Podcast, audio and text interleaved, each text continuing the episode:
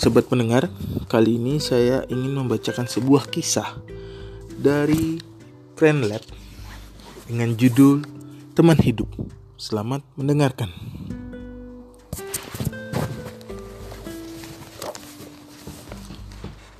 Teman hidup.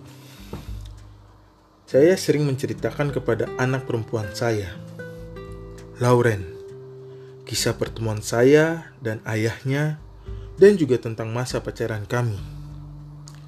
Sekarang, saat dia berusia 16 tahun, dia cemas karena dia menyadari bahwa teman hidupnya mungkin yang duduk di sebelahnya dalam kelas atau mungkin yang mengajaknya berkencan tapi dia belum siap benar untuk membuat komitmen sebagaimana yang dilakukan kedua orang tuanya belasan tahun yang lalu.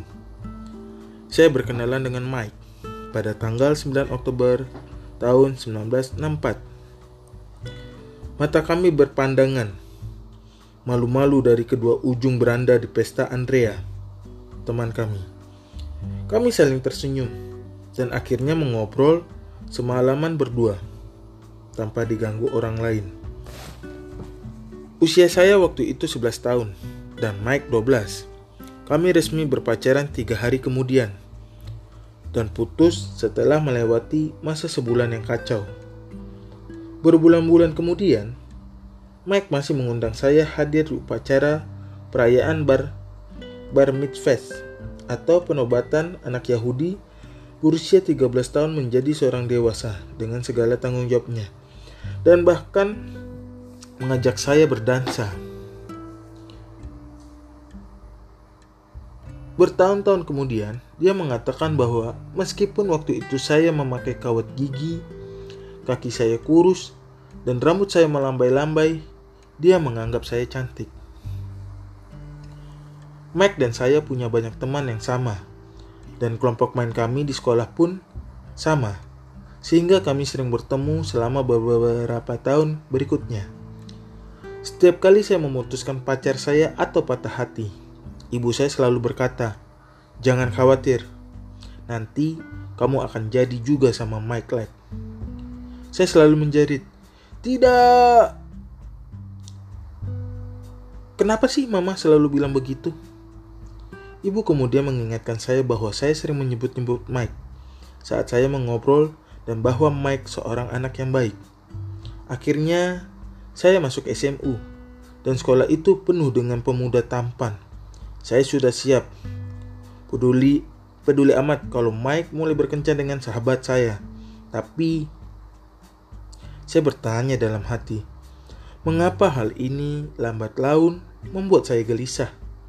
Mengapa kami jadi sering mengobrol saat menunggu bus? Saya tak akan pernah lupa sepatu biru laut yang sering dipakainya. Setahu saya, tak ada pemuda lain yang punya sepatu sekeren itu. Saya sering teringat akan kata-kata ibu saya, tetapi saya masih ingin menghapusnya. Sampai musim panas waktu sampai musim panas, waktu kami naik ke kelas 10, saya dan Mike sudah sering bersama-sama, ditemani pacarnya yang juga sahabat saya dan teman-teman lainnya. Pada musim panas itu, Mike mengikuti program bahasa Spanyol di Meksiko. Ternyata saya rindu padanya. Waktu dia pulang pada bulan Agustus, dia menelpon dan mampir ke rumah. Dia tampak sangat menawan dengan kulitnya yang terbakar matahari dan sikapnya yang bersahaja. Dia masih belum bisa berbahasa Spanyol sepatah kata pun. Tapi dia kelihatan keren sekali.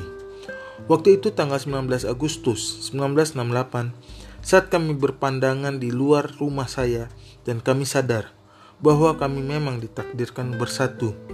Tentu saja kami harus menunggu sampai usianya kencan saya dengan seorang pemuda pada malam itu.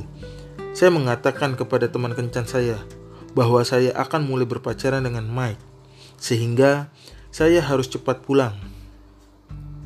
Kemudian Mike berkata pada pacarnya yang kadang putus, kadang bersambung itu, bahwa mereka putus lagi dan kali ini untuk selamanya. Kami merahasiakan hubungan kami sampai bisa mengumumkan dengan bangga pada pesta berikutnya.